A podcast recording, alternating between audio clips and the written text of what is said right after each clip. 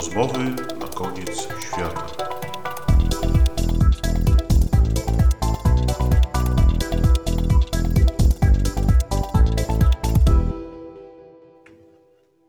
Rozmowy na koniec świata, Piotr Kołodziejczyk, a moim dzisiejszym rozmówcą jest ponownie dr Kamil Kopi z Instytutu Archeologii Uniwersytetu Jagiellońskiego. Cześć Kamil. Cześć Piotr. Kamil jest specjalistą od archeologii starożytnego Rzymu, a ponieważ jesteśmy w takim dziwnym wyborczym czasie, trochę po wyborach, trochę przed wyborami, to spróbujemy dzisiaj z Kamilem porozmawiać na temat różnych kwestii związanych właśnie z wyborami, władzą i różnymi sprawami, które się z tym wiążą w starożytnym Rzymie.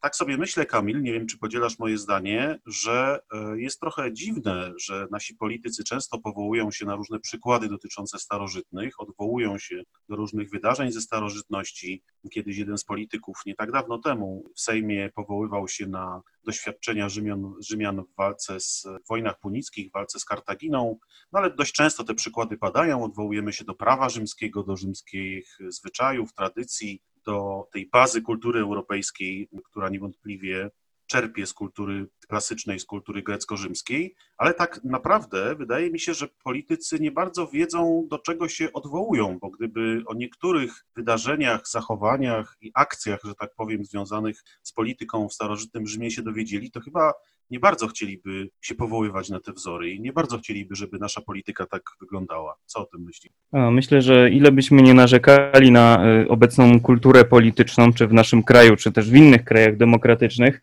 to jednak do y, starożytnych Rzymian jest nam jeszcze bardzo, bardzo daleko. E, no i tutaj mówimy oczywiście o okresie Republiki Rzymskiej, no bo wtedy e, panował ustrój quasi demokratyczny, nie można nazwać na pewno tego państwa demokratycznym, ale były na pewno pewne elementy demokratyczne. No i e, to wszystko sprawiało, że dosyć ostra e, walka polityczna się toczyła, szczególnie w okresie późnej Republiki Rzymskiej, ale może to wynika z faktu, że po prostu mamy dużo źródeł pisanych do tego okresu. W związku z tym więcej wiemy na ten temat. Być może wcześniej było podobnie, tylko z braku źródeł nie jesteśmy w stanie nic na ten temat powiedzieć. No ale ten okres, fascynujący okres takich postaci jak Cezar, Pompejusz, Cyceron, a później e, Marek Antoniusz czy Oktawian. To jest okres no bardzo i to bardzo zaciętej e, walki politycznej i właściwie rzymscy politycy przed niczym się nie cofali, żeby sięgnąć po szczyt władzy. Spróbujmy może, zanim e, pokusimy się o jakieś konkretne przykłady, a wiem, że sporo takich mógłbyś wymienić i opisać, obrazujących właśnie tą walkę o władzę w starożytnym Rzymie republikańskim, czy wczesny, Rzymie wczesnego cesarstwa, spróbujmy zdefiniować sobie może dwie sprawy, tak żebyśmy wiedzieli, o czym rozmawiamy. Trochę już zacząłeś o tym mówić. Po pierwsze, czym różni się ta demokracja w wydaniu starożytnych, w wydaniu grecko-rzymskim od e, demokracji, którą my dzisiaj obserwujemy, czy, czy mamy, czy chcielibyśmy mieć u siebie, to po pierwsze. A po drugie, spróbujmy opisać ten system władzy w starożytnym republikańskim Rzymie, bo on pewnie nie dla wszystkich jest jasny, żebyśmy wiedzieli, o jakich stanowiskach, o jakich funkcjach będziemy mówić, jakbyś mógł spróbować opisać ten, ten, tą strukturę władzy w starożytnym Rzymie. Po pierwsze, myślę, że nie powinniśmy wrzucać do jednego worka demokracji greckich i demokracji rzymskiej, czy tak zwanej demokracji rzymskiej, no powiedzmy szczerze, no Republiki Rzymskiej, ponieważ to były bardzo różne systemy. Zresztą w ogóle, jeżeli mówimy o greckiej demokracji, to znowu musimy zapytać, o które państwo, o którym państwie rozmawiamy w danym momencie i tak naprawdę w którym okresie rozmawiamy o tym państwie, ponieważ to wszystko się zmieniało. Oczywiście my w głowie mamy najczęściej E, złoty okres demokracji ateńskiej, tak. gdzie, e, no, która była demokracją bezpośrednią, a więc obywatele e, wybierali urzędników, ale również bezpośrednio każdy miał jedno, jeden głos i oddawał głos zarówno no, na urzędników, jak i na w czasie głosowania różnego rodzaju praw, czy też procesów sądowych. Obywatele, czyli, czyli kto? Ateńczycy, ci, którzy posiadali obywatelstwo ateńskie, oczywiście nie była to zbyt duża grupa, szczególnie, że Mężczyźni, oczywiście, oczywiście. Kobiety nie miały prawa głosu. Poza tym mieszka mieszkańcami Aten była duża grupa osób, które nie posiadały obywatelstwa ateńskiego. Akurat Ateńczycy dosyć strzegli dostępu do obywatelstwa ateńskiego i być może tym trochę Rzym się też różni od Ateńczyków. Rzym chociaż strzegł prawa, praw obywatelskich, to jednak z drugiej strony jednak dużo łatwiej było to obywatelstwo e, uzyskać. Także no, z tą demokracją grecką, jeżeli byśmy to tak określili jakoś zbiorczo, no to jest ten problem, że tak naprawdę najlepszy obraz tego mamy w Atenach i tam rzeczywiście, przynajmniej w pewnych okresach, mieliśmy do czynienia z demokracją bezpośrednią, natomiast w innych państwach greckich różnie to bywało. Czasem rządziła tam oligarchia, a więc po prostu były rządy arystokracji, czasem była demokracja, ale e, inna forma niż ta e, demokracja ateńska. Także no, różnie to bywało w, e, w, różnych państwach, miastach, no i naprawdę trudno to wrzucać do jednego worka. Natomiast jeśli chodzi o Rzym, to zresztą grecki, grecki historyk Polibiusz uznał Rzym za idealny ustrój. Dla niego ustrój rzymski był połączeniem demokracji, połączeniem demokracji z oligarchią i tak naprawdę również z rządami królewskimi. Rządów królewskich upatry, upatrywał on e, e, we władzy konsulów, wybieranych, dwóch konsulów wybieranych corocznie na, na roczne urzędowanie. E, widział rządy oligarchii, w którym upatrywał prawa Senatu i różnego rodzaju uprawnienia, które Senat posiadał, a tym elementem demokratycznym były zgromadzenia obywateli, na których głosowano różne prawa i wybierano e, urzędników. Przy czym znowu, kiedy mówimy o Rzymie, system polityczny Rzymu cały czas ewoluował. Także znowu musimy e, zatrzymać się na chwilę i powiedzieć, o którym okresie mówimy, i dopiero wtedy możemy e, coś więcej na ten temat powiedzieć. Już na samym początku mówiłem, że ten okres późnej Republiki Rzymskiej jest tak fascynujący i tak wiele się tam działo, być może dlatego, że posiadamy dużo źródeł i ta ilość źródeł pomaga nam też rekonstruować to, e, jak system polityczny później Republiki e, wyglądał. Dużo gorzej, gorzej ta baza źródłowa wygląda, wygląda dla wcześniejszych okresów. W związku z tym, e, no może zostawmy to i skupmy się na tej późnej Republice Rzymskiej.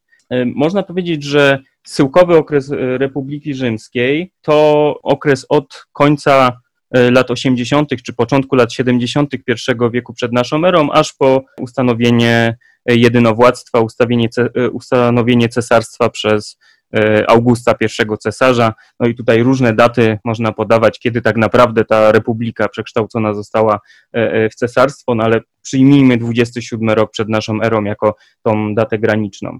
A więc mamy tak naprawdę około 50 lat, w których też nie można powiedzieć, że system był cały czas taki sam, bo on zmieniał się, na przykład lata 70. Po dyktaturze Sulli pod koniec lat 80. I wieku przed naszą erą, który znacznie wzmocnił elementy e, oligarchiczne w systemie politycznym Republiki Rzymskiej, ograniczył znacznie e, prawa trybunów ludowych. I lata 70. to był okres walki o przywrócenie pełni praw trybuńskich.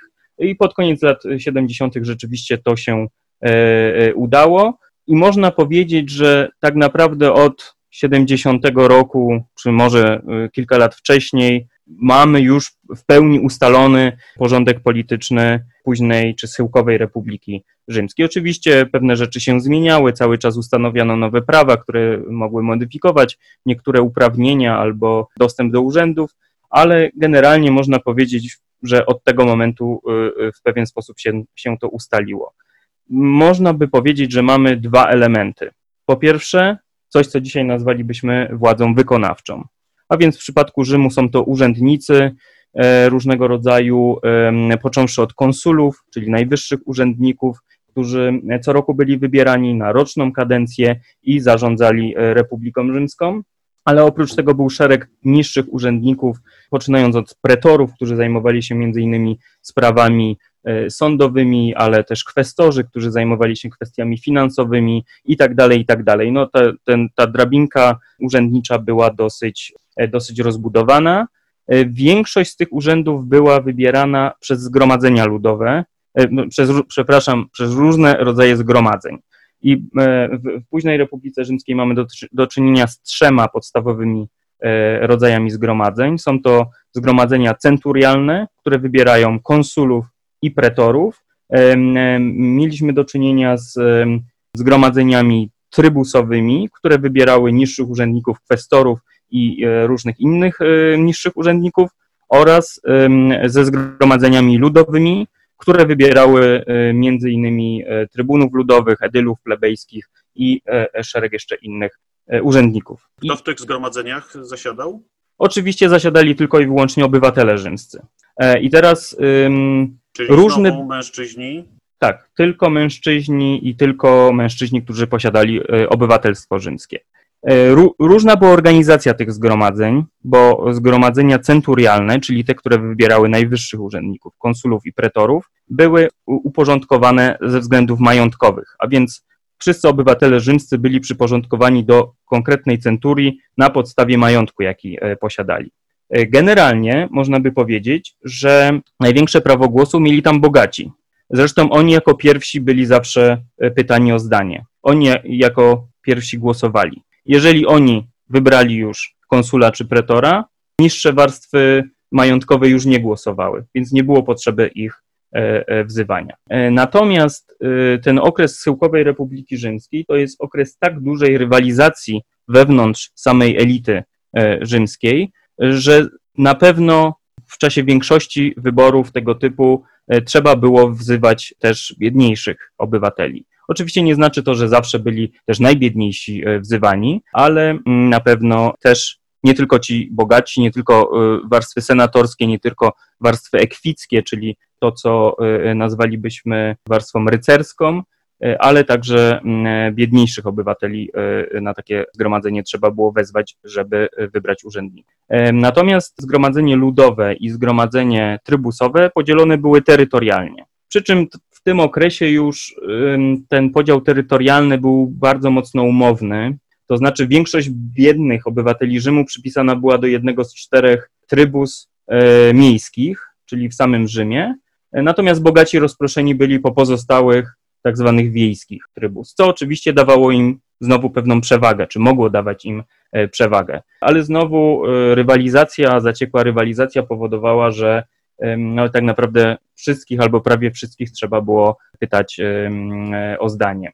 Także też nie można powiedzieć, że ci bogaci to kontrolowali. I tutaj jest pewien problem. Powiedziałem, że mamy dużo źródeł i to jest na pewno prawda, jeśli chodzi o ten okres, Natomiast nadal te źródła nie pozwalają nam w 100% powiedzieć, jak wyglądało życie polityczne Republiki Rzymskiej. Jakie to źródła przede wszystkim? Mówię tutaj o źródłach historyków, e, ale e, zarówno współczesnych, tych, którzy uczestniczyli w tych wydarzeniach, nawet e, mówimy tutaj o takich postaciach jak Cyceron, który pozostawił po sobie wiele mów politycznych i sądowych, pism filozoficznych, które odnoszą się do bieżących wydarzeń. Oczywiście również listy tutaj jego należy e, e, przytoczyć, ale też szereg historyków, którzy pisali niedługo potem albo z perspektywy już cesarstwa rzymskiego o tym okresie późnej republiki. W związku z tym E, no, najwięcej jest źródeł różnego rodzaju historycznych, ale akurat dla tego okresu posiadamy też e, mowy polityczne i to autentyczne mowy polityczne. Właśnie tutaj e, jeszcze raz wymienię tego Cycerona i różnego rodzaju inne pisma. No więc mimo tego, że posiadamy dużo źródeł, zarówno współczesnych tym wydarzeniom, w tym pisanych przez samych uczestników tych wydarzeń, jak Cyceron, E, ale również e, przez historyków piszących już z perspektywy Cesarstwa e, Rzymskiego, to nadal do końca nie wiemy, jak ten system funkcjonował. Historycy nadal spierają się o to, czy Republika Rzymska była kontrolowana przez oligarchię, to znaczy kontrolowana nie w ten sposób, że wybierani byli na urzędy, bo praktycznie tylko oni byli wybierani na urzędy i to jest fakt, ale kto ich na te urzędy wybierał? Czy E, oni sami siebie wybierali na te urzędy, czy mimo wszystko wszyscy obywatele e, miewali e, coś do powiedzenia na ten temat. Nie wiemy, czy ci bogaci rzeczywiście kontrolowali wybory oraz przeprowadzanie praw przez zgromadzenia, czy też republika miała charakter bardziej demokratyczny. To znaczy, elity rzeczywiście musiały starać się o swój wizerunek w oczach, nazwijmy to nowoczesnym językiem, opinii publicznej, po to, żeby być popularnym wśród ludu, żeby zwiększyć swoje szanse na to, żeby zostać wybranym na e, e, poszczególne urzędy. Bo tutaj też warto jeszcze dodać, że w późnej Republice Rzymskiej Senat też został zreformowany w pewien sposób. Zreformował go Sulla, który uznał, że status senatora nie powinien być dziedziczny, albo nie powinien być tylko dziedziczny, ale do Senatu powinni dostawać się wszyscy ci, którzy osiągnęli szczebel kariery politycznej kwestora, albo wyżej oczywiście. Oni automatycznie wchodzili do Senatu, gdzie już zasiadali e, e, dożywotnio. Zresztą Sulla zwiększył też e, liczbę senatorów, więc widać tu pewne też ruchy zmierzające do poszerzenia elity rzymskiej. Tak. I to jest też ten element, o którym już mówiłem, różnicy, jeśli chodzi o Ateny a Rzym, że Rzym aż tak bardzo nie strzegł obywatelstwa rzymskiego. To znaczy nie tak, że rozdawał je na prawo i lewo, bo tutaj wiemy na przykład o buntach miast italskich, które domagały się tego e, prawa mm, e, obywatelstwa rzymskiego, począwszy od e, walk, które w latach II wieku przed naszą erą miały miejsce i tej najważniejszej wojny, tak zwanej wojny ze sprzymierzeńcami, która na początku lat 80. I wieku przed naszą erą miała miejsce, która doprowadziła w efekcie do rzeczywiście nadania obywatelstwa rzymskiego niemal wszystkim e, mieszkańcom Italii już. A więc tak naprawdę cała Italia, e, e, mężczyźni naturalnie, dorośli mężczyźni stali się obywatelami rzymskimi, ale mm, obywatelem rzymskim można było zostać również będąc niewolnikiem.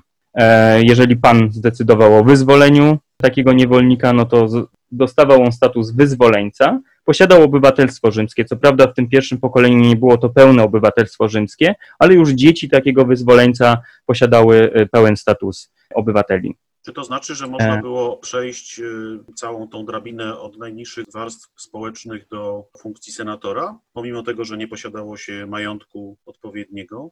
Nie. No tu odpowiem krótko. Nie. Potrzebny był majątek. To... Zawsze ten majątek był y, tą sprawą nie, Tak, majątek, ma, majątek po, pozwa, po, pozwalał na to, żeby można było zajmować się polityką, czy to polityką lokalną na poziomie jakiegoś miasta, czy jeżeli było się na tyle bogatym i wpływowym, że można było dostać się e, na szczyty władzy w Rzymie, no to wtedy e, można było tego próbować.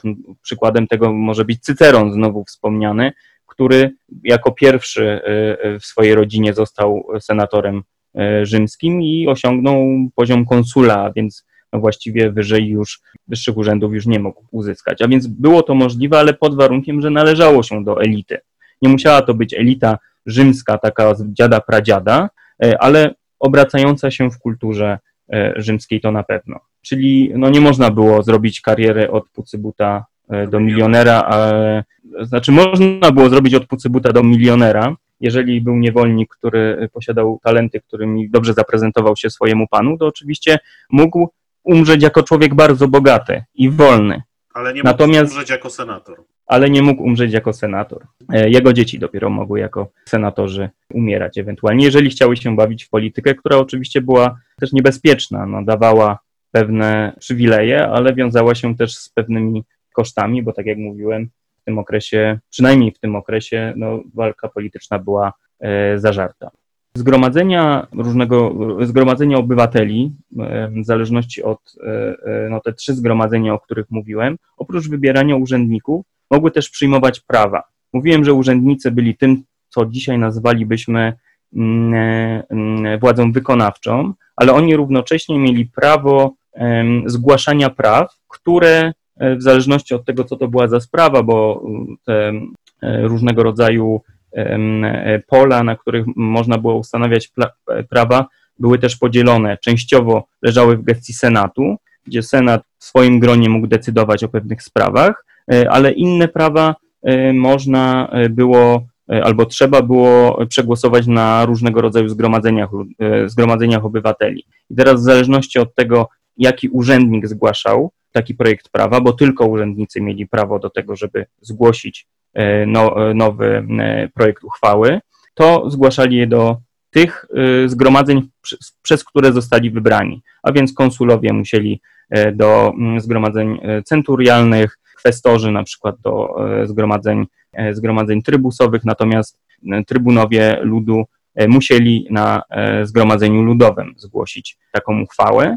No i wtedy można było przeprowadzić głosowanie albo przyjąć dane prawo, albo je odrzucić. I to był drugi element walki politycznej. Nie tylko walczono, walczono o urzędy, ale walczono również o uchwalanie praw. bo często to uchwalanie praw tak naprawdę też związane było z różnymi urzędami.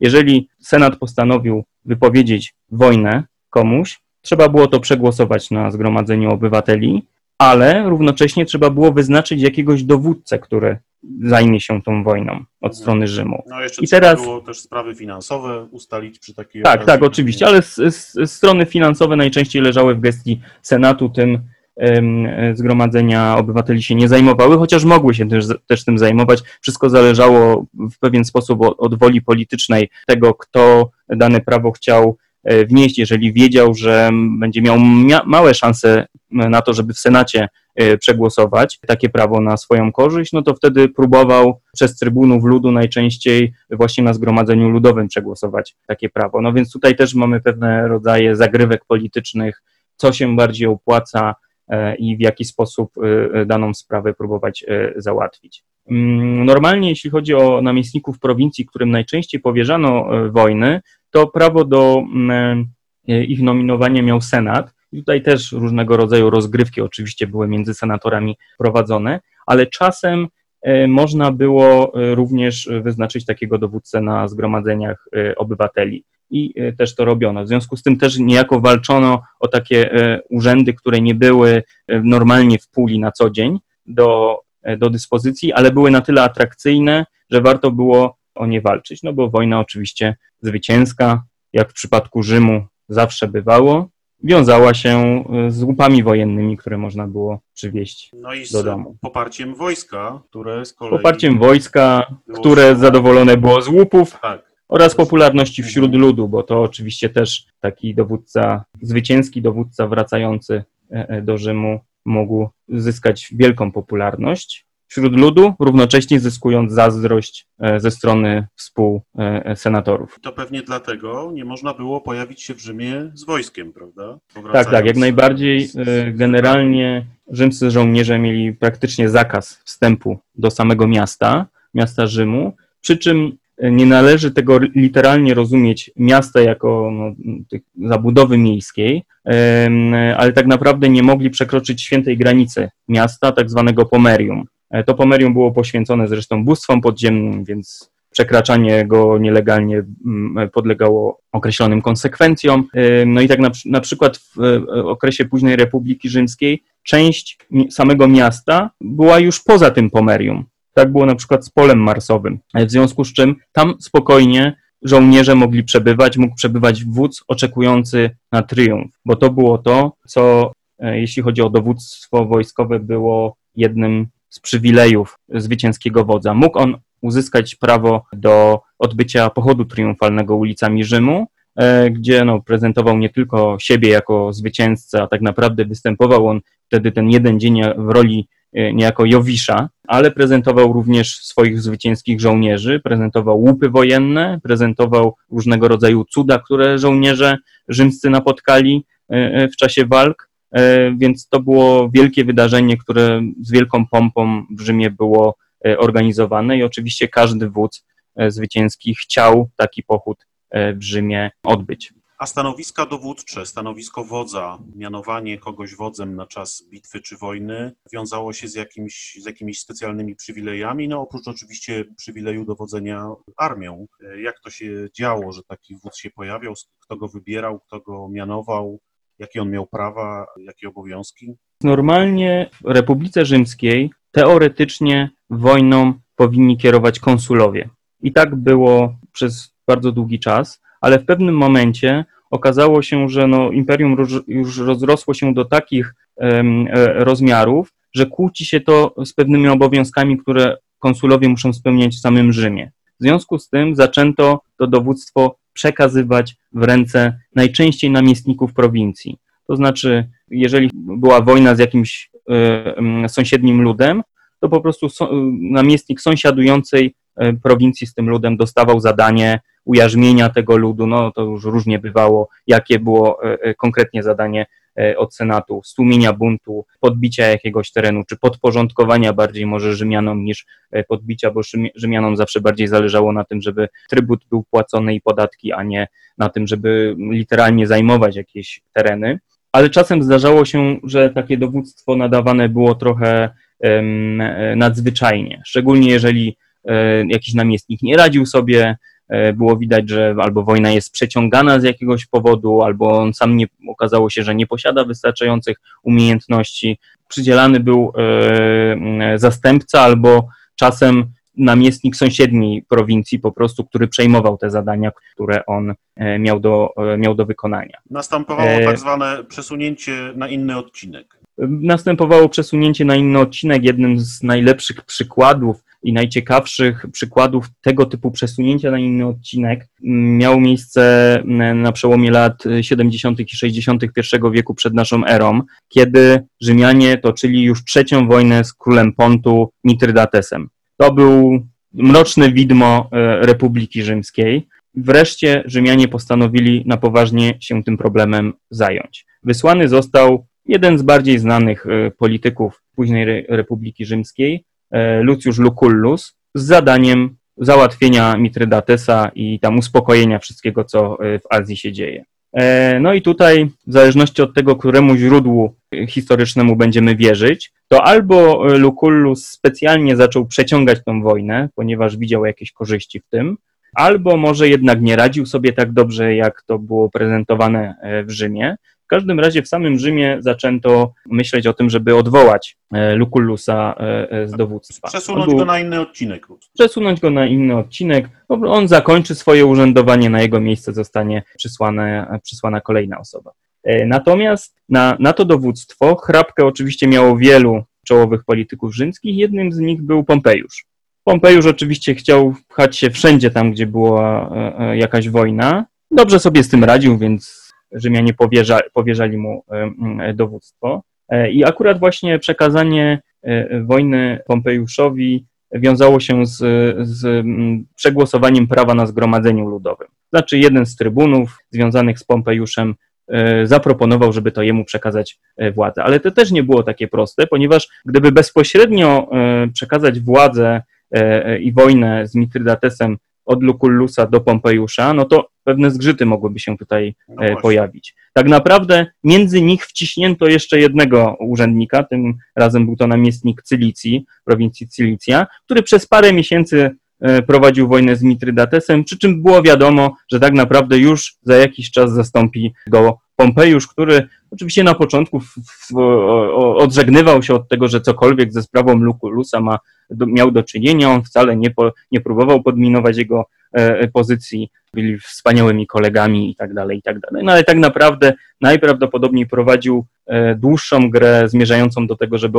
odebrać mu to dowództwo i żeby samemu porządki na wschodzie e, zaprowadzić. No i trzeba przyznać, że zaprowadził porządki. Nie dość, że ostatecznie e, Mitrydatesa rozgromił, to nie poprzestał tylko na tym, ale zajął Syrię, tworzył nową prowincję Syria, wplątał się też w wojnę na terenie, wojnę domową właściwie na terenie Judei, legioniści rzymscy od, e, od Morza Kaspijskiego aż po mm, Nabatę swoje sandały postawili e, w czasie tej wojny, a więc znacznie tak naprawdę wykroczył on poza to, co zostało mu przez Senat, e, a właściwie przez lud rzymski powierzone, ale oczywiście będąc tak potężnym człowiekiem, jaki był, był w stanie się z tego wytłumaczyć, chociaż po powrocie miał ogromne problemy z zapewnieniem sobie akceptacji wszystkich postanowień E, administracyjnych, które na e, wschodzie e, uczynił, zarówno traktatów z władcami E, władcami kliental, klientalnymi Rzymu, utworzeniem nowych prowincji, zarządzeń administracyjnych wewnątrz nowych prowincji, które otworzył czy przekształcił. Wszystko to e, e, później okazało się w Rzymie być dla niego wielkim problemem. Rzeczywiście Pompejusz się na wschodzie nieźle rozkręcił, no ale jak sam powiedziałeś, wielkim ludziom wolno, prawda? I wychodząc z tego założenia, że jest wielkim człowiekiem i wiele mu wolno, dokonał tego, czego dokonał.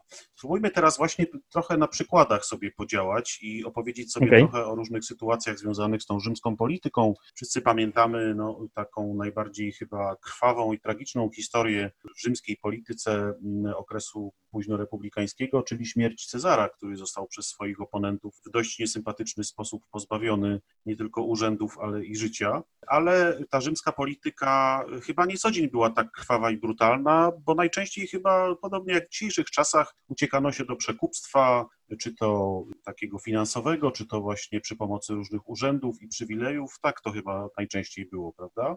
E, najczęściej tak, chociaż od razu trzeba zaznaczyć, że Rzymianie też uciekali się do przemocy. Czasem była to może bardziej symboliczna, a nie e, fizyczna przemoc. Bardziej ale zastraszanie takie. Raczej chodziło o zastraszanie, ale od czasu do czasu dochodziło do eskalacji pewnych wydarzeń. No tutaj już wspomniany Cyceron był bohaterem takiej, takiej eskalacji, ponieważ w momencie, kiedy był konsulem, odkryto ten słynny spisek Katyliny, który, no jak Cyceron nam to oczywiście przedstawia, dążył do e, obalenia republiki i e, e, zostanie jedynym władcą Rzymu, co no, prawdopodobnie aż tak głęboko nie należy wierzyć Cyceronowi, ale miał swój interes w tym, żeby w ten sposób to przedstawić, ponieważ z jego, e, e, jego wniosku i jego, za jego poparciem Katylina po stłumieniu tego powstania spisku, czy jakkolwiek to nazwać, został skazany na śmierć, co było jednak rzadkim, e, rzadką karą, jeśli chodzi o elity rzymskie, bo oczywiście zwykłych złodziejaszków czy, czy morderców no, wieszało, wieszało się na krzyżach, ścinało mieczem i różnego rodzaju inne straszne, straszny los się im serwowało, natomiast przedstawicielom elit zawsze Uchodziło... troszkę lżej było, tak. troszkę lżej. Natomiast tutaj Cyceron poszedł w bank i e, doprowadził do skazania e, Kateliny na śmierć. I powiedzmy, no to jeszcze było e, zgodne z prawem. Natomiast e, miały również wydarzenie, miały również miejsce wydarzenia, które czasem przez przypadek zupełny e, nastąpiły. Skrytobójstwa, tak, mordy polityczne? o skrytobójstwach raczej nie słyszymy, o mordach politycznych rzadko. No tutaj Cezar jest przykładem takiego mordu po politycznego. Raczej chodziło o zastraszanie. No sam Pompejusz kilkakrotnie miał się zamykać w swoim domu, obawiając się o własne życie.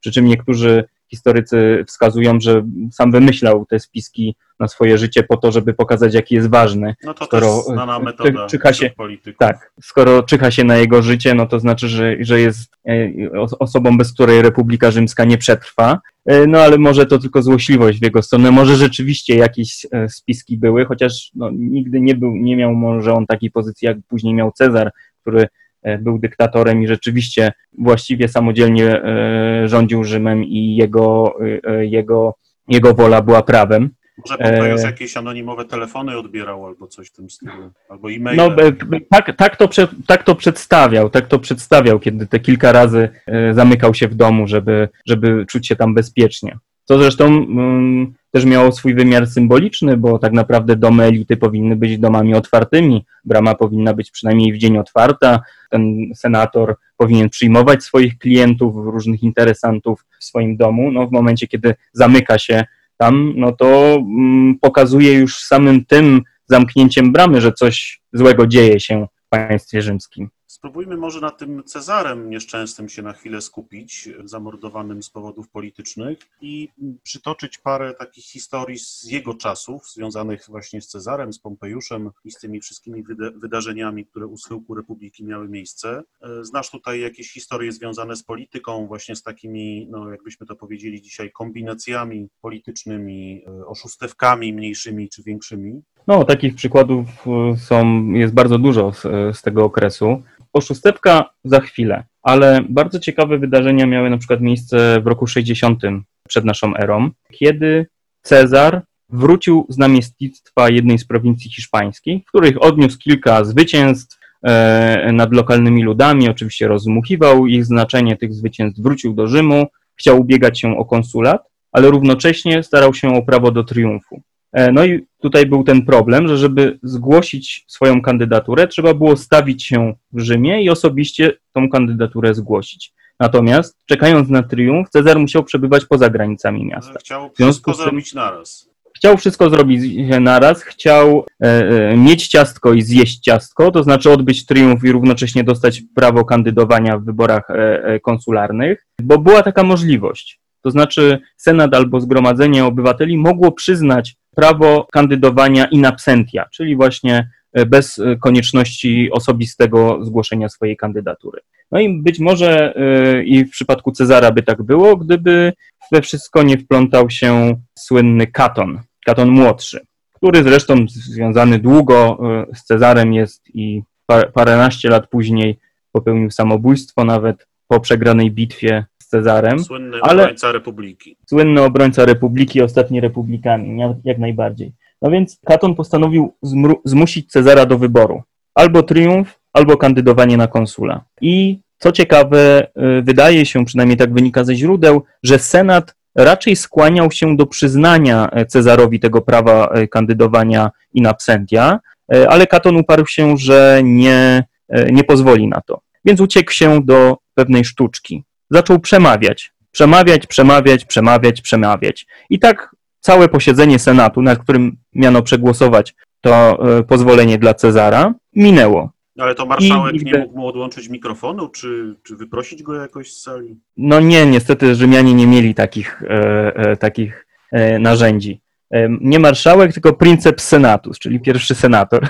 Mhm. Ale można powiedzieć, że pełnił on funkcję takiego marszałka, chociaż nie tyle dbał on o, o porządek obrad, co raczej miał prawo zabierania głosu jako pierwszy. No nie. Jak senator zaczął mówić, to miał prawo mówić tak długo, jak mu się e, e, podobało. Oczywiście można było próbować różnych, no nazwijmy to nieparlamentarnych metod zmuszenia go do tego, żeby przestał mówić, ale w tym przypadku e, do tego nie doszło. No i Katonowi udało się zmusić Cezara do wyboru. Cezar porzucił marzenia o triumfie, wszedł do Rzymu i no, osobiście zgłosił swoją e, kandydaturę na konsula. Ale to był dopiero początek tej Odysei, bo tak naprawdę zgłoszenie kandydatury to jedno, a wygranie wyborów to rzecz zupełnie inna. Cezar, aby zapewnić sobie wybór na konsula, postanowił porozumieć się z dwoma e, spośród najpotężniejszych e, wówczas Rzymian, najbogatszych i też posiadających duże wpływy polityczne. To jest wspomnianego już wielokrotnie dzisiaj Pompejusza i Marka Krasusa. E, ich wpływy, ich pieniądze e, miały pomóc Cezarowi w osiągnięciu marzeń o konsulacie. Oczywiście to nie było tak, że Cezar poprosił ich o to, żeby mu pomogli. Konkretne e, korzyści oni z tego mieli wynieść. Pompe, Cezar zapewnił Pompejusza, że że jeżeli zostanie wybrany konsulem, zapewni, że wszystkie te prawa, te zarządzenia administracyjne, które on na wschodzie uczynił, zostaną zatwierdzone. I zresztą później, jak został wybrany konsulem, to rzeczywiście załatwił sprawę dla Pompejusza, więc Pompejusz e, również był szczęśliwy, że ta sprawa, która już kilka lat się za nim ciągnęła, została załatwiona i może już dalej knuć e, kolejne pomysły. Pomysły, tak. No i e, tak naprawdę później Cezar po tym został namiestnikiem Galii i wiemy, co w tej Galii robił bardzo dobrze i przez lata prowadził wojnę. Te przekupstwa, to y, zyskiwanie poparcia za różnego rodzaju korzyści było zjawiskiem dość powszechnym. Z tego wynika na, na wszystkich szczeblach tych urzędniczych, y, tej urzędniczej drabiny. I to nie była tajemnica, tylko to się działo, jak rozumiem, tak dość przy otwartych oknach. Tak? Znaczy wszyscy wiedzieli, że takie rzeczy się dzieją, że tak to wygląda i nikt przeciwko temu jakoś specjalnie nie protestował. Jedno można powiedzieć. Ja na samym początku mówiłem, że może rzymska polityka wyglądała inaczej niż e, polityka dzisiaj, ale rzymska polityka e, okresu republikańskiego na pewno była grą drużynową, jeżeli tak to można powiedzieć. I tak samo jest dzisiaj. I tym tutaj nie ma żadnych wątpliwości. Sam jeden polityk rzadko kiedy był w stanie osiągnąć wszystko, czego chciał. Za każdym razem, kiedy osiągnął, osiągał kolejne sukcesy, rosła, ros, rósł opór przeciwko niemu ponieważ reszta e, senatorów, reszta, reszta elity obawiała się tego, że może on rzeczywiście doprowadzić do tego, że, e, że zakończy republikę i zostanie do, dożywotnim dyktatorem, królem, mhm. czy jakimś e, innym jedynowładcą. Czy, czy można um, powiedzieć, że, że Rzymianie mieli coś w rodzaju alergii na, na takie właśnie sytuacje, w których e, wydawało im się, że ktoś zmierza do władzy jednoosobowej, do władzy takiej dyktatorskiej czy królewskiej? Tak, to jak najbardziej. I mówimy ogóle... oczywiście o okresie republiki, no bo później finalnie tak, tak, tak. E, taka władza się pojawiła na wiele stuleci, ale w okresie republiki? Tak, w okresie republiki rządy jedynowładcze czy królewskie były źle postrzegane przez Rzymian. I to był jeden z toposów, który się w rzymskiej polityce w ogóle pojawia. Oskarżenia o dążenia, dążenie do władzy królewskiej to jest coś, co pojawia się, co jakiś polityk osiąga większe sukcesy, próbuje popchnąć troszkę te tryby republiki na wymarzone przez siebie tory, to spotyka się z oskarżeniami o dążenie do władzy królewskiej, do, o dążenie do władzy królewskiej i Pompejusz był oskarżany i, i Cezar oczywiście był oskarżany. Zresztą z tym Cezarem to nie za bardzo wiadomo, jak on sobie wyobrażał swoją rolę w Republice. No, ostatecznie został dożywotnim dyktatorem, co było też swoją drogą trochę sprzeczne. Dyktator powinien być na pół roku jedynie mianowany, no a on został dyktatorem e, dożywotnim. Być może chciał być królem na e, wzór królów helenistycznych, ale wiedział, że byłoby to niepopularne. I no, niezależnie od tego, e, że królem nigdy nie został, to i tak, jak już mówiliśmy, no marnie skończył. W związku z tym jak najbardziej. Ale z drugiej strony też trzeba pamiętać o tym, że mm, elity mm, jakby ciągle dążyły do przebicia osiągnięć swoich przodków. Jeżeli dany wódz osiągnął trzy triumfy, to kolejni wodzowie chcieli osiągnąć cztery triumfy. No tak, to, to też próbowali to, charakterystyczna to przebić. I um, więc też w tej rzymskiej polityce była taka dynamiczna równowaga. Z jednej strony właśnie dążenia do wyrównania wszystkiego, że wszyscy mają taki sam status, a z drugiej strony te wybitne jednostki próbowały cały czas przeciągnąć linę, troszkę nagiąć zasady albo bardzo nagiąć zasady. I to się zdarzało bardzo często, ale e, spowodowane to również było tym, że tak naprawdę e, ta Republika Rzymska to był bardzo elastyczny, e, bardzo elastyczny system polityczny. To znaczy nie było czegoś takiego jak dzisiaj w większości krajów jest konstytucja, która jest pewną podstawą prawną. W Rzymie tego nie było, to był zbiór praw, które można było dowolnie modyfikować oczywiście, jeśli tylko posiadało się odpowiednią siłę przebicia i e, mogło zapewnić większość e, w głosowaniu senackim czy w głosowaniu obywateli. W związku z tym właśnie nieustannie dążyli ci najwybitniejsi do przekraczania granic, które były wcześniej ustalone, tego co przystoi rzymskiemu politykowi, co wolno rzymskiemu politykowi i oni nieustannie to próbowali przekraczać. Powiedziałeś kiedy opowiadałeś o tej strukturze państwa rzymskiego, o tych zgromadzeniach różnych szczebli, powiedziałeś, że no, były też te zgromadzenia najniższych szczebli, w których zasiadali ludzie najubożsi, którzy teoretycznie też w związku z tym mieli jakiś wpływ na to, co się w państwie dzieje. Czy były jakieś takie próby manipulowania tymi warstwami niższymi, na przykład przy pomocy religii, przy pomocy jakichś takich rzeczy, które no, można było wykorzystać po to, żeby troszeczkę zagrać na emocjach. Dzisiaj też takie zjawiska obserwujemy, grania na emocjach albo też na religijnych różnych sprawach, na strachu oczywiście, no to najczęściej chyba używane w polityce narzędzie. Czy takie sytuacje znamy z tamtych czasów? O, jak najbardziej. Religię również wykorzystywano, e, może niekoniecznie do manipulowania, choć to się zdarzało, co po prostu y, w walce politycznej na każdym szczeblu, nie tylko y, zgromadzeń. Właściwie jeszcze tutaj może powinienem dodać, jeśli chodzi o te zgromadzenia ludowe, że tak naprawdę no to były zgromadzenia plebejuszy, mhm. bo o tym nie powiedziałem, że jeszcze obywatele rzymscy byli podzieleni na dwie grupy, patrycjuszy i plebejuszy. Może w późnej Republice Rzymskiej to aż tak dużego znaczenia nie miało, bo wielu plebejuszy sięgało wyższych urzędów, łącznie z konsulatami, zostawało zwycięskimi wodzami itd., tak itd., tak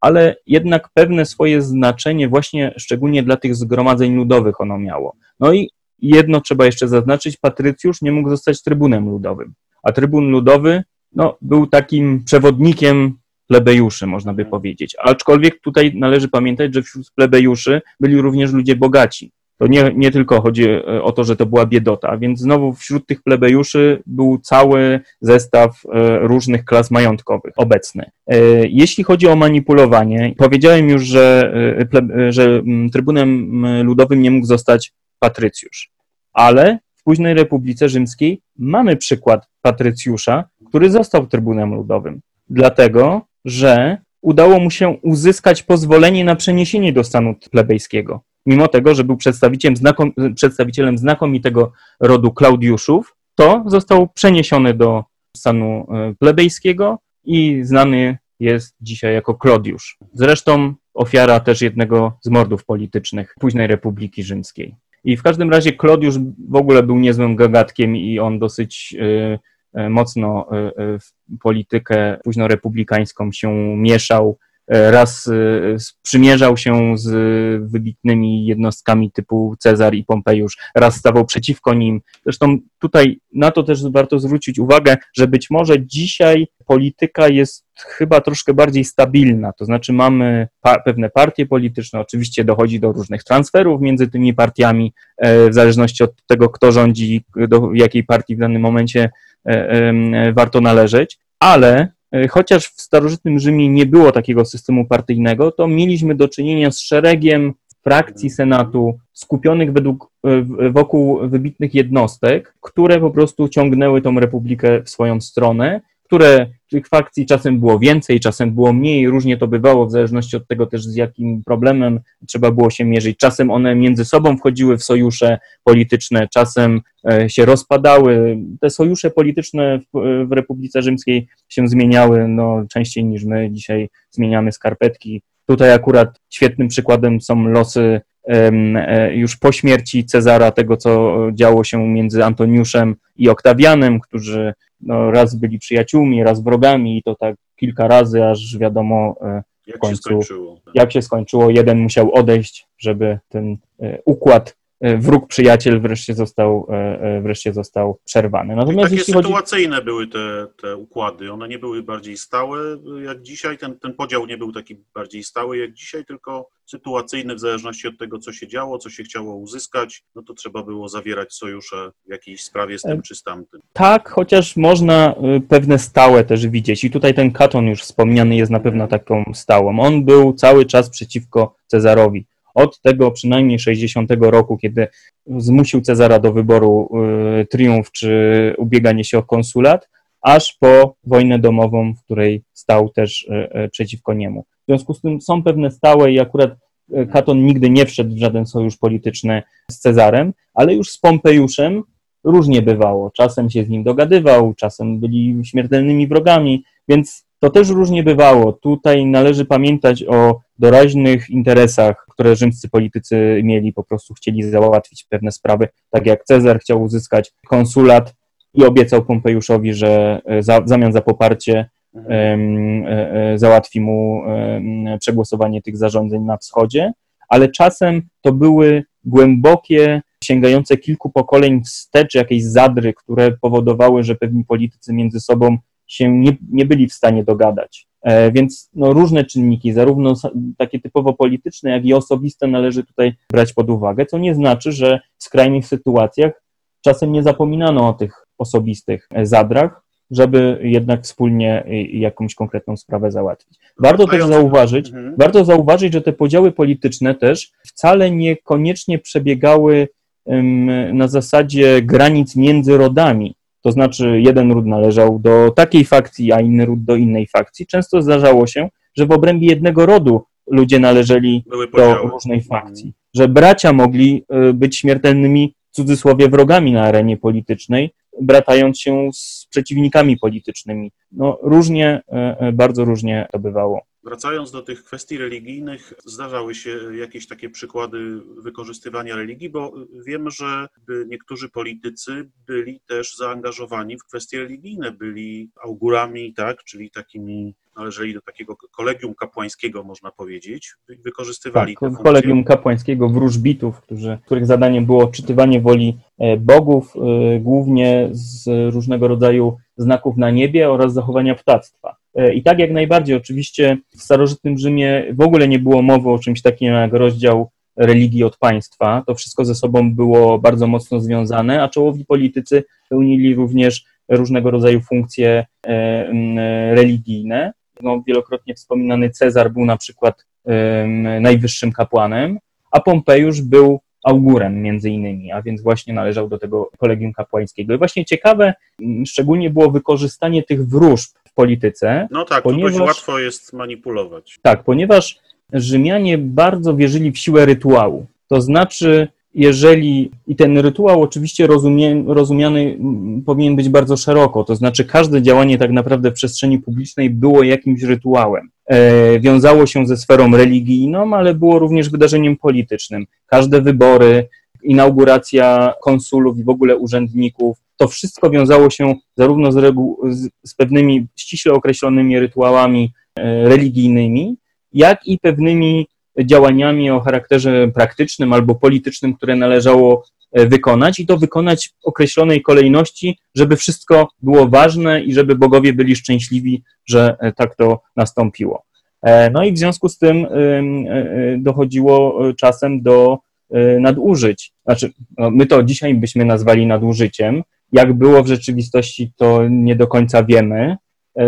Oczywiście, czytając na przykład Cycerona, można odnieść wrażenie, że elity rzymskie w bogów raczej nie wierzyły, a przynajmniej on nie wierzył, ale też nie było to dla Rzymian najważniejsze. W ogóle kwestia wiary nie była ważna. Ważna była, żeby rytuał od A do Z został przeprowadzony tak jak należy, bo inaczej bogowie się obrażą, a jak bogowie się obrażą, no to e, skończy się to źle dla państwa e, rzymskiego. E, w związku z tym każdy właśnie rytuał, każde wybory, każda inauguracja urzędników wiązała się z tym, że byli obecni kapłani, między innymi wróżbici, między innymi augurowie, którzy mieli obserwować niebo, czy czasem nie pojawiają się tam jakieś znaki, które świadczyłyby o tym, że bogowie sprzeciwiają się, szczególnie Jowisz, sprzeciwiają się temu, żeby ten rytuał w danym dniu został, został przeprowadzony.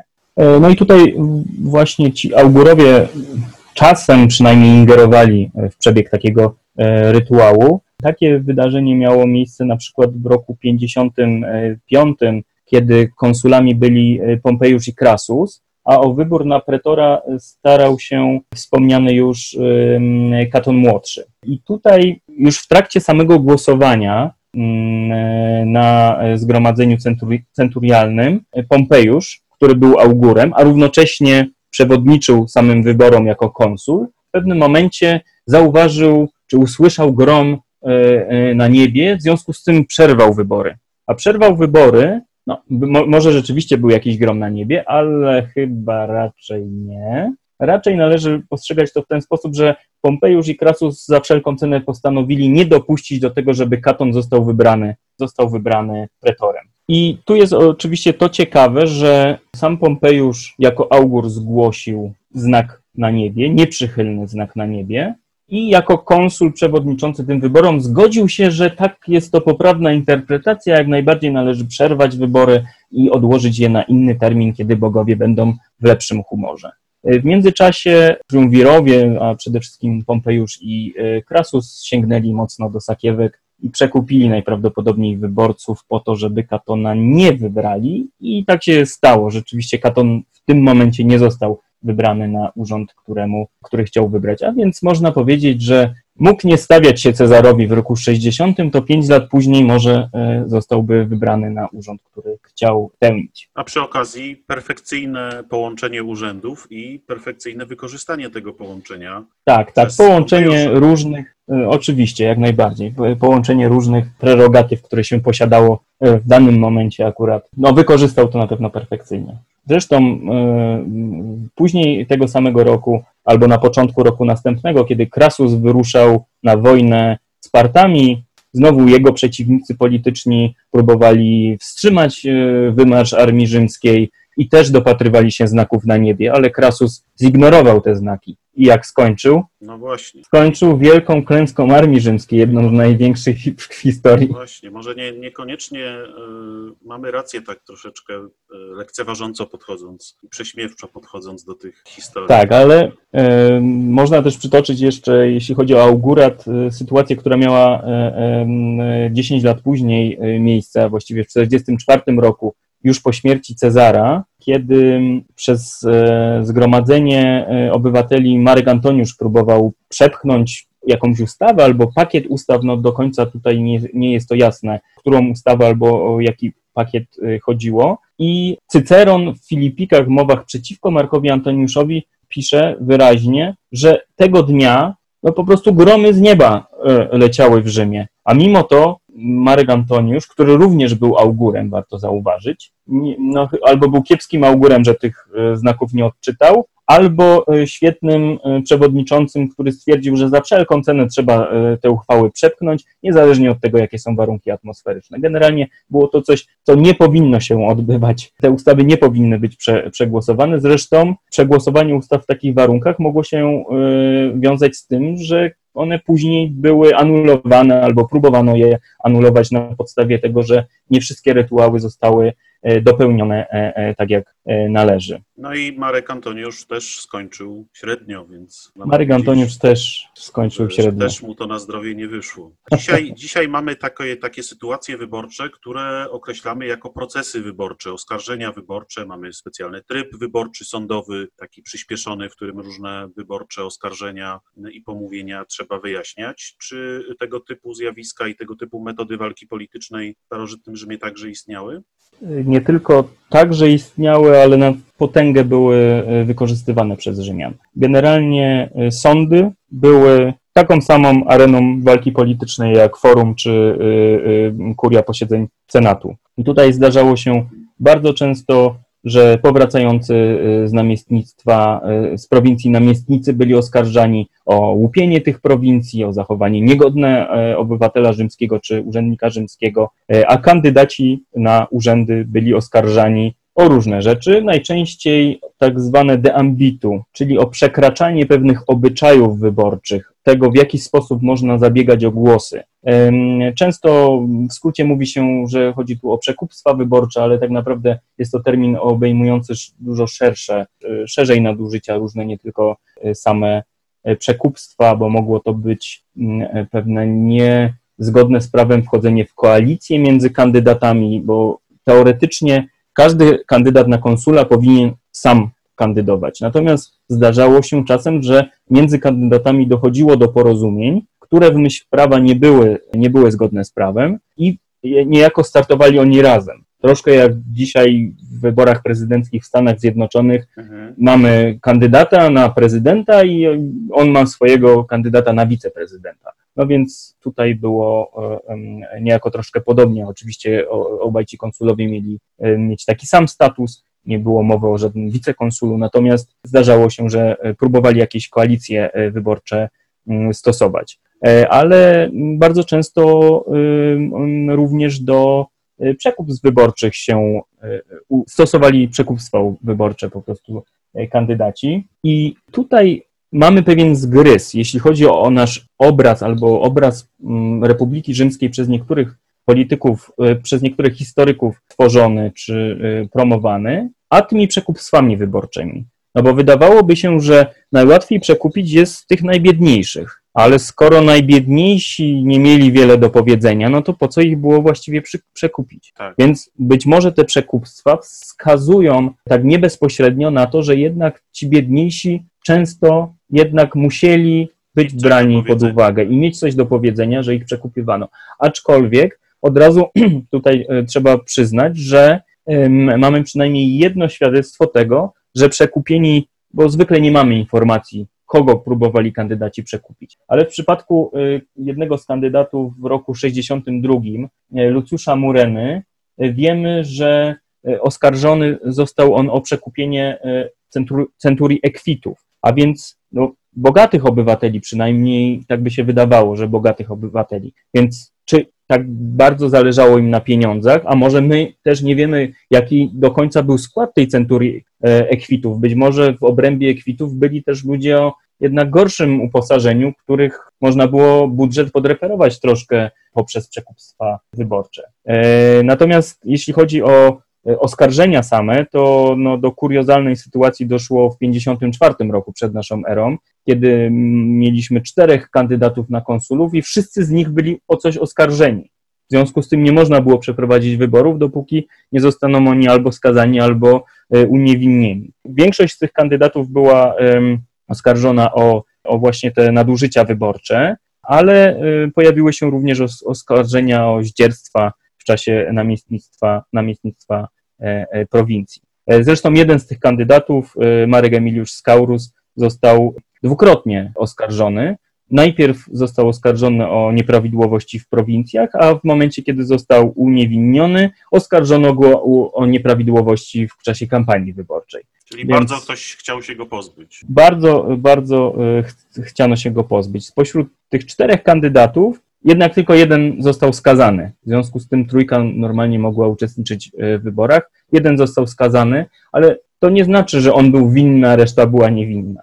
Bo procesy elit w Rzymie były procesami o charakterze politycznym. To była próba sił czasem przed wyborami. sądy były tak skonstruowane, że wpływy polityczne miały ogromne znaczenie. Nie było takiej, nie było niezależności sądów, takiej jakbyśmy e, e, dzisiaj ją sobie wyobrażali, albo jak generalnie w pewnej teorii e, państwa powinno to być. Mm, wszystko, wszystkie te zagrywki powodowały, że nieraz w ogóle wybory konsulów przeciągały się. W normalnym roku wybory konsularne powinny odbywać się w lipcu, czyli w połowie roku. Swoje urzędowanie w późnej Republice Rzymskiej konsulowie rozpoczynali w styczniu, a więc na pół roku przed wstąpieniem na urząd już powinno być wiadomo, kto jest e, e, konsulem.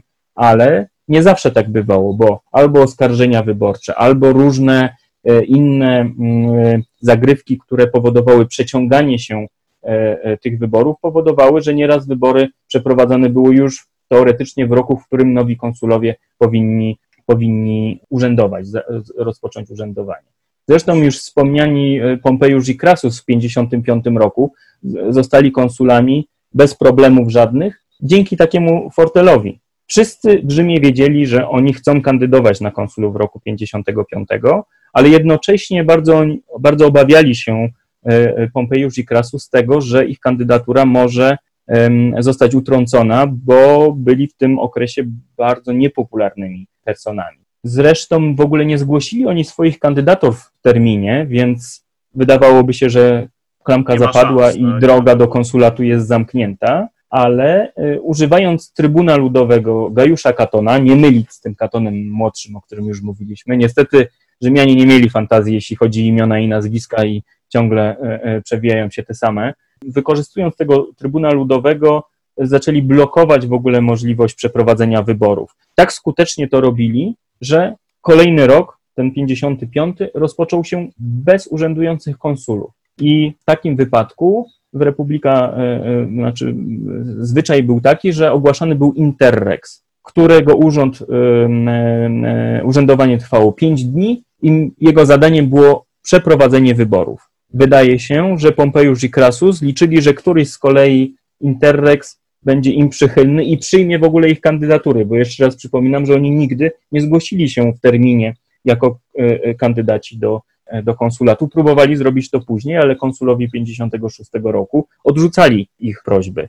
No i wreszcie został wybrany Interrex, który, jak się wydaje, był im przychylny, no bo przyjął ich kandydatury, szybko, błyskawicznie przeprowadzono wybory, w, którym, w których Pompejusz i Krasus zostali wybrani konsulami. Zmierzając powoli do podsumowania tej naszej rozmowy, chciałbym Ci zadać dwa pytania. Właściwie najpierw podzielić się pewną refleksją na temat e, tego, o czym mówiłeś, a potem zadać Ci dwa takie podsumowujące pytania. Więc po pierwsze, wydaje mi się, że ta rzymska polityka i te wydarzenia, które opisywałeś, są z jednej strony wielokrotnie podobne do tego, co obserwujemy dzisiaj. Kombinacje z y, przesuwaniem wyborów, takim ustawianiem y, składu różnych ciał, żeby on pasował i zgadzał się na różne rzeczy. Przekupywanie się, no dzisiaj oczywiście finansowo nie tak e, widoczne, ale urzędami, różnego rodzaju korzyściami, no też wydaje się, że dzisiaj dość powszechne. No cały szereg różnych sytuacji, no jakbyśmy to powiedzieli, właśnie kombinacji czy krętactw, które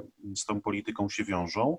No a z drugiej strony jednak zupełnie inny system funkcjonowania tego państwa, zupełnie inna rola poszczególnych uczestników tej społeczności, no, mówiliśmy, że mężczyźni, że stany poszczególne i tak dalej, że ten majątek decydujący, więc to, to rzeczy, które nas odróżniają od, od tamtych czasów. Więc to jest taka moja refleksja, takie podwójne wrażenie. Z jednej strony podobieństwa, z drugiej strony bardzo wielkich różnic. A pytania, które się trochę też z tym wiążą, są y, następujące. Po pierwsze, czy, czy widzisz w tych politykach, no powiedzmy okresu późnej republiki, jakąś wizję polityczną? Czy byli tam ludzie, którzy mieli jakąś wizję dłuższą troszeczkę niż ten roczny czy dwuletni urząd, który mogli sprawować? I chcieli coś zbudować, mieli pewną wizję rozwoju państwa, kształtowania pewnych zjawisk na dłuższą metę i tak dalej. No tu trochę to jest pytanie retoryczne, bo ja wiem, że powiesz, że Pompejusz miał taką wizję, bo jesteś fanem Pompejusza, ale może też jakoś ten temat rozwiniesz. A drugie moje pytanie y, tyczy się kobiet. No powiedziałeś, że w tej demokracji antycznej kobiety głosu oficjalnie nie miały, ale czy były takie sytuacje, albo czy wiemy o takich sytuacjach, które, w których kobiety jakoś na politykę wpływ miały lub chciały mieć poprzez jakieś zakulisowe, no bo oficjalnie nie mogły, ale poprzez jakieś zakulisowe działania, które, o których ślady znajdujemy w jakichś, w jakichś źródłach. Zacznijmy może od tych wizji państwa. E, jeśli chodzi o wizję państwa, to ciężko odpowiedzieć tak lub nie na to pytanie. Myślę, że pewnie każdy polityk rzymski miał jakąś wizję, albo przynajmniej ci, którzy mieli w ogóle szansę na to, żeby e, jakąś wiodącą rolę w polityce Rzymskiej Republiki odgrywać, pewnie mieli jakieś wizje, ale zdawali sobie sprawę, że realizacja tej, tej wizji będzie niezwykle trudna. Przez to, że ten system Mm, nieco sprzyjał chaosowi. Niby wszystko było poukładane, niby wszystko było wiadomo, kto co może, ale było tyle możliwości właśnie kombinowania, naginania tych zasad, e, że e, ostatecznie bardzo trudno e, było taką wizję wprowadzić w życie. Zresztą warto nawet na samą, samą, samą topografię miasta Rzym spojrzeć. W okresie republikańskim to jest chaos totalny chaos, który chyba dobrze odpowiada temu, w jaki sposób to państwo funkcjonowało. Trudno mówić o jakiejkolwiek polityce, e, długoterminowej polityce, oprócz tego, jak się uda, to podbijajmy kolejne tereny. Nie było wizji, w którą stronę powinniśmy tą e, ekspansję prowadzić, e, jakimi środkami. To wszystko wynikało z zagrywek między politykami, sojuszy między politykami, ambicji tych polityków ale znowu te ambicje często były tępione. Właściwie wszyscy liczący się, ci naj, najwybitniejsi politycy Republiki Rzymskiej, przynajmniej w jakimś okresie stawiana była im tama, że oni nic nie mogli więcej zrobić. Scypion Afrykański, jeden z wybitniejszych wodzów, bardzo dobrze znany, rzeczywiście polityk, który w pewnym momencie odcisnął, jak się wydaje, dosyć spore piętno na Republikę Rzymską. On właściwie pewnym momencie przestał mieć jakiekolwiek znaczenie polityczne w Rzymie, bo, bo jego przeciwnicy się skonsolidowali i właściwie sam nie był w stanie nic zrobić. Jeszcze to nie był ten okres, o którym my dzisiaj rozmawialiśmy najwięcej, późnej Republiki Rzymskiej, gdzie ci najwybitniejsi skuteczniej może naginali e, zasady, a przede wszystkim skuteczniej dogadywali się między sobą. Być może też związane to było z faktem, że jednak te elity były większe, w związku z tym łatwiej było dojść do jakiegoś porozumienia. Można powiedzieć, no oczywiście, były takie postacie jak Sulla na przykład, który no, miał jakąś wizję chyba państwa rzymskiego, ponieważ po wygranej wojnie domowej jednak przeprowadził szereg reform,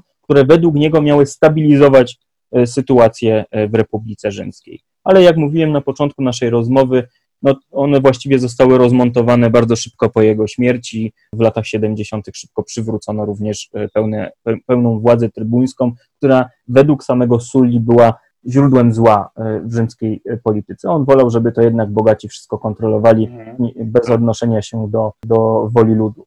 Zapewne Pompejusz też miał taką wizję, zapewne taką wizję miał Cezar, ale te wizje wszystkie zmieniały się z czasem. Można śmiało powiedzieć, że Oktawian, który został pierwszym cesarzem Rzymu, znany nam jako Oktawian August. Pewnie też miał może jakąś wizję, ale wątpię, żeby on jako dziewiętnastolatek, kiedy został, został właściwie wrzucony w środek burzy politycznej po śmierci Cezara, miał, mógł mieć jakąkolwiek wizję. To było właściwie poruszanie się na ślepo często w pewnych kierunkach. Albo się uda, albo się nie uda. No tak. Jeśli sytuacja pozwoli, to tutaj się uda to osiągnąć. Jeżeli nie pozwoli, no to trzeba będzie się cofnąć, spróbować może czegoś innego. Trudno mówić o wizjach w takich warunkach, kiedy panuje aż tak e, duży chaos. Pompejusz wracając ze wschodu pewnie miał wizję tego, że wszyscy padną mu do stóp, bo on jest tym wspaniałym zwycięzcą, który tyle bogactw e, do Rzymu przywiózł, tyle zwycięstw, tylu jeńców. To jest jego trzeci triumf, właściwie jeden z największych wodzów w historii.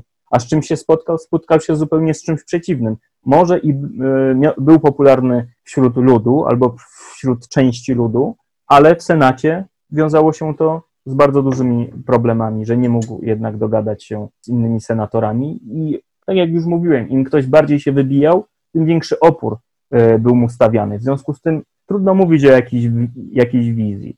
Natomiast na pewno mm, wizje e, miały osoby typu Cyceron, Tutaj, kiedy poczytać jego pisma filozoficzne, na przykład o republice czy o prawach, to on jednak tworzy tam jakąś według niego idealną, idealny system polityczny Republiki e, Rzymskiej. Zresztą warto wspomnieć o tym, że Cyceron, mimo tego, że był zwolennikiem republiki, zwolennikiem nie rządów jedno, jedynowładcy, ale jakiejś zbiorowości, to jednak widział dla wybitnych jednostek pewną przewodnią rolę w tym e, e, państwie rzymskim. I tak naprawdę na tej wizji Cycerona można powiedzieć, że swoją wizję w pewnym momencie zbudował Oktawian. Cyceron widział rolę przewodnią princepsa senatu. Tradycyjnie tym pierwszym senatorem był najstarszy senator, czyli najbardziej doświadczony teoretycznie, ten, który e, miał największą mądrość, w związku z tym on jako pierwszy pytany było zdanie. Cyceron jako pierwszego y, obywatela widział już raczej nie najstarszego, ale po prostu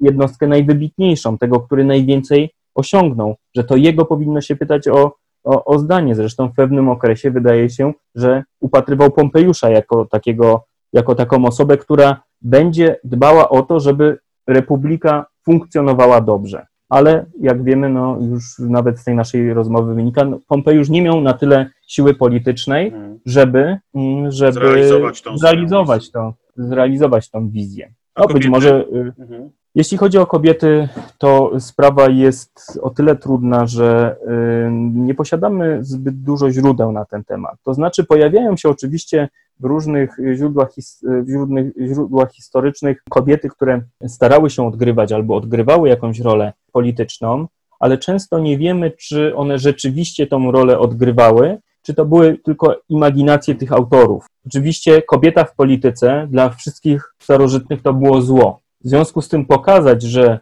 kobieta miała wpływ na takiego czy innego polityka rzymskiego, to było pokazanie go w złym świetle.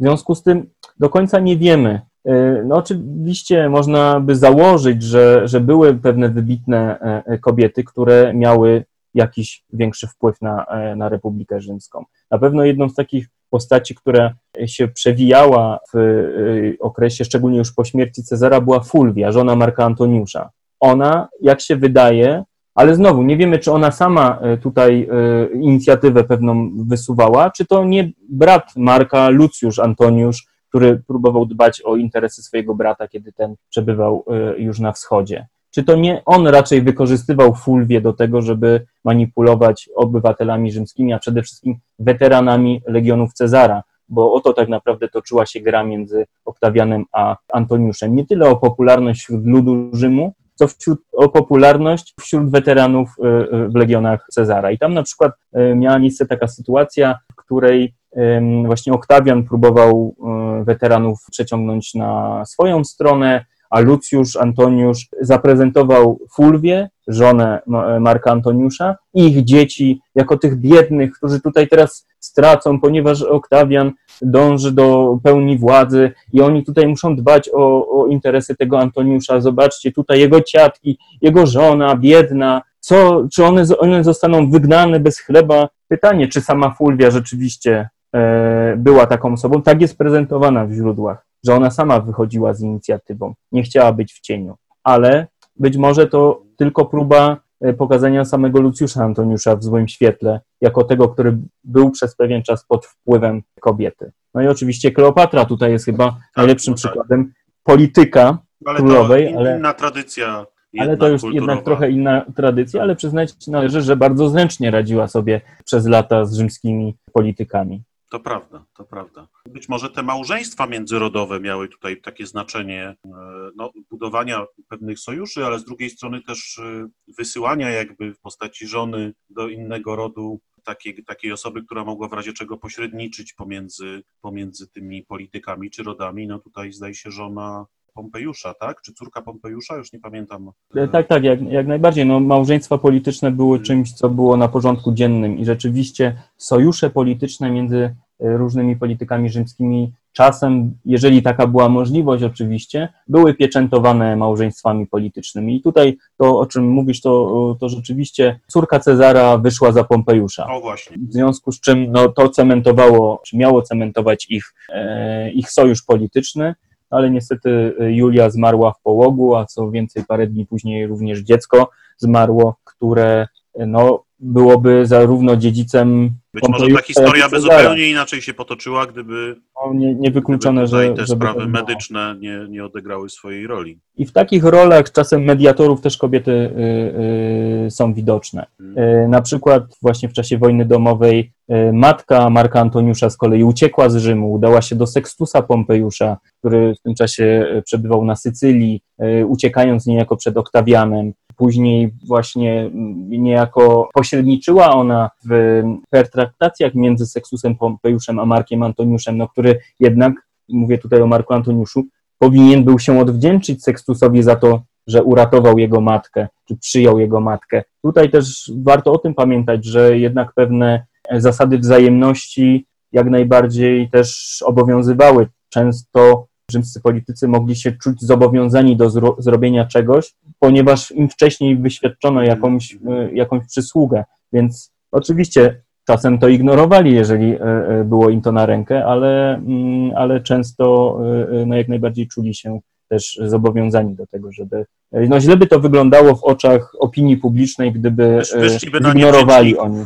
Tak, gdyby wyszli na niewdzięczników, jak najbardziej. Bardzo Ci dziękuję. No myślę, że opowiedzieliśmy tutaj, opowiedziałeś właściwie, bo ja byłem tylko tłem, różne historie, które pokazują, no, jak ta ludzka natura i ta, ten element ludzkiej kultury, jakim jest polityka, właściwie nie zmienił się przez, przez stulecia i tysiąclecia. Zmienia się, na, zmieniają się różne instrumenty naokoło, ale tak naprawdę pewne kwestie związane z układami, z toczeniem walk politycznych, dążeniem do uzyskiwania korzyści różnego rodzaju, realizowaniem swoich wizji, właściwie wyglądają przecież tak samo. No, choćby właśnie wspom- wspominana już historia wyborcza, w której się aktualnie znajdujemy, jest najlepszym przykładem, jak można różne kwestie naginać, wykorzystywać, próbując gdzieś tam między, jakby się wydawało, dość stabilnym systemem prawnym lawirować, żeby by uzyskać jakieś korzyści i pewne kwestie zrealizować. Więc myślę, że, że tutaj wiele ciekawych wniosków dla nas płynie z tej, z tej polityki rzymskiej. Jakieś ostatnie podsumowujące zdanie chciałbyś powiedzieć? Tak, tak. Ja w jed- jednym zdaniu mógłbym tylko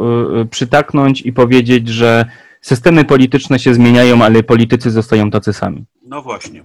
Święte słowa i doskonała puenta naszej rozmowy. Dziękuję Ci jeszcze raz. Mam oczywiście nadzieję na, na kolejne fajne spotkanie. No i do usłyszenia. Do usłyszenia. Dzięki.